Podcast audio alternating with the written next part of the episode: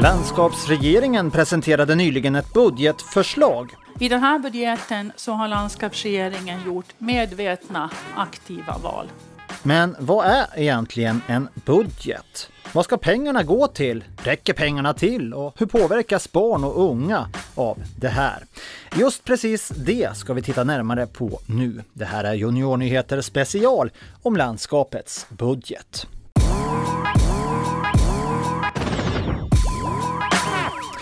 Ålands landskapsregering är de politiker som bestämmer här på Åland. Ja, de bestämmer såklart inte över allt som händer här, men deras jobb är att skapa ett så bra samhälle som möjligt för dig och mig och för alla andra som lever här. Och till sin hjälp har de pengar. Mycket pengar som används till sådant som vi vill ha i vårt samhälle där vi lever och bor. Sjukvård, polis, gymnasie och högskola, vägunderhåll och färjor som trafikerar skärgården och en massa andra saker. Eller som finansminister Torbjörn Eliasson sa. Betala pensioner, löner, barnbidrag, landskapsandelar med mera. Jag kan räkna upp mycket till. Nej, det behövs inte. Jag är säker på att ni fattar. Ålänningarna arbetar och får en lön och en del av lönen betalar man tillbaka i form av skatt så att det ska finnas pengar till just sånt här. Den observante har säkert märkt att vi är lite sena i starten. Och det är precis så som hela år 2020 har varit. Det var i torsdags som landskapsregeringen presenterade sitt förslag till budget för nästa år, 2021. Alltså vad man vill göra för pengarna under nästa år. En budget innehåller alltså en slags uträkning över Ålands alla inkomster och utgifter. Och här beskriver de styrande politikerna vilka mål de har för det här kommande året och varför de vill lägga pengar på vissa saker och kanske hellre spara pengar på något annat. De får såklart inte göra vad som helst. Lagtinget, där det sitter ännu fler åländska politiker från ännu fler politiska partier, måste först säga ja till det här förslaget innan pengarna får börja användas.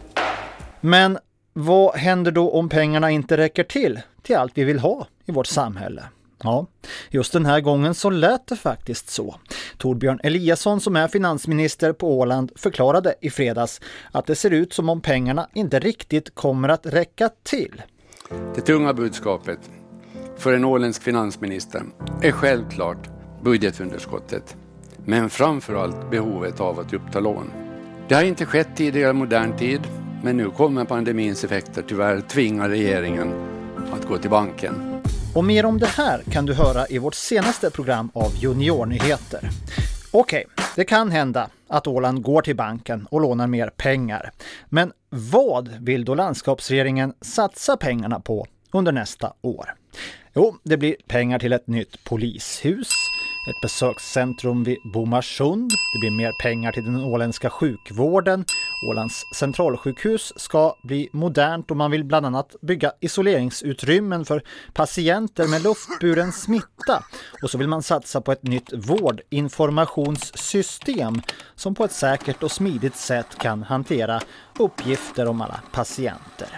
Inför senaste valet var det mycket snack om förändrade rutter i skärgårdstrafiken och kanske en tunnel till Föglö. Men om det verkligen blir något av det här är väldigt osäkert ännu. Tunnelprojektet kan komma att utredas under nästa år, men en bro över Prästosund i Vårdö ska utredas under nästa år. Om det byggs en bro över Prästösund så behöver man inte åka linfärja längre för att ta sig mellan Vårdö och fasta Åland. Och när det kommer till linfärjor så vill landskapsregeringen också beställa en ny färja och allra helst en förarlös färja som kör fram och tillbaka utan att någon behöver styra. Det skulle kunna bli billigare i längden eftersom ingen behöver få lön för att vara ombord och köra båten hela tiden året om. Tekniken finns här idag. 2023 så kommer det två stycken nya autonoma fartyg till, Nor till Norges skärgård. Den här tekniken är precis på dörrkanten och kom på väg in i, i samhällena. Sa infrastrukturminister Christian Wikström som också berättade att man tänker fortsätta bygga ut gång och cykelbanor på Åland. Kollektivtrafiken ska bli miljövänligare och det ska byggas fler laddstolpar för elbilar. Men så till den riktigt viktiga frågan. Hur påverkas egentligen barn och unga av den här budgeten? Juniornyheter ställde frågan till finansminister Torbjörn Eliasson. På vilket sätt är den här budgeten eh, barn och ungas budget? Hur syns det? Hur det syns för barn och ungdomar? Ja, exempelvis kan man väl säga tredje sektorn som vi lämnar helt oberörd. 15 miljoner euro kommer att eh, eh, gå ut till tredje sektorn som det har gjorts tidigare. Och där finns det ju en massa föreningar, idrottsföreningar och, och ja, alla olika typer av föreningar som får pengar. Och de kommer att få lika mycket pengar 2021 som de har fått 2020 det här året. Vi hoppar vidare till näringsminister Fredrik Karlström. På vilka sätt är det här en budget för barn och unga skulle du säga? Oj, vilken rak fråga. Eh, det, vi satsar väldigt mycket på skola. Eh, det, det, är liksom ingenstans som det dras ner där. Eh, vi vill eh, liksom se till att eh, också många människor har arbete, vilket förstås är bra. Om det är barn och unga som har föräldrar så är det ju det viktigt. Så, så kort svar på det kanske. Lantrådet Veronica Törnros, som är själva chefen för Ålands regering, fick samma fråga.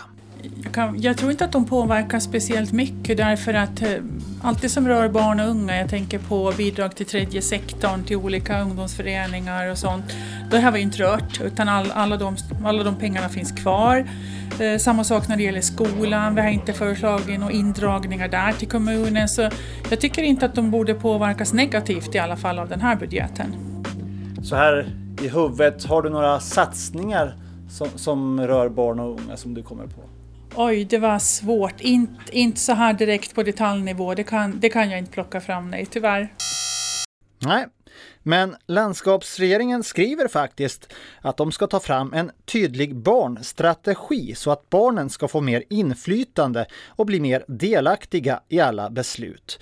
För att få veta mer om det här så får vi lov att ringa utbildningsminister Annika Hambrud. Eh, en barnstrategi kan man säga är en plan hur man ska arbeta för att det ska vara så bra som möjligt för alla barn och familjer. Det är en barnstrategi.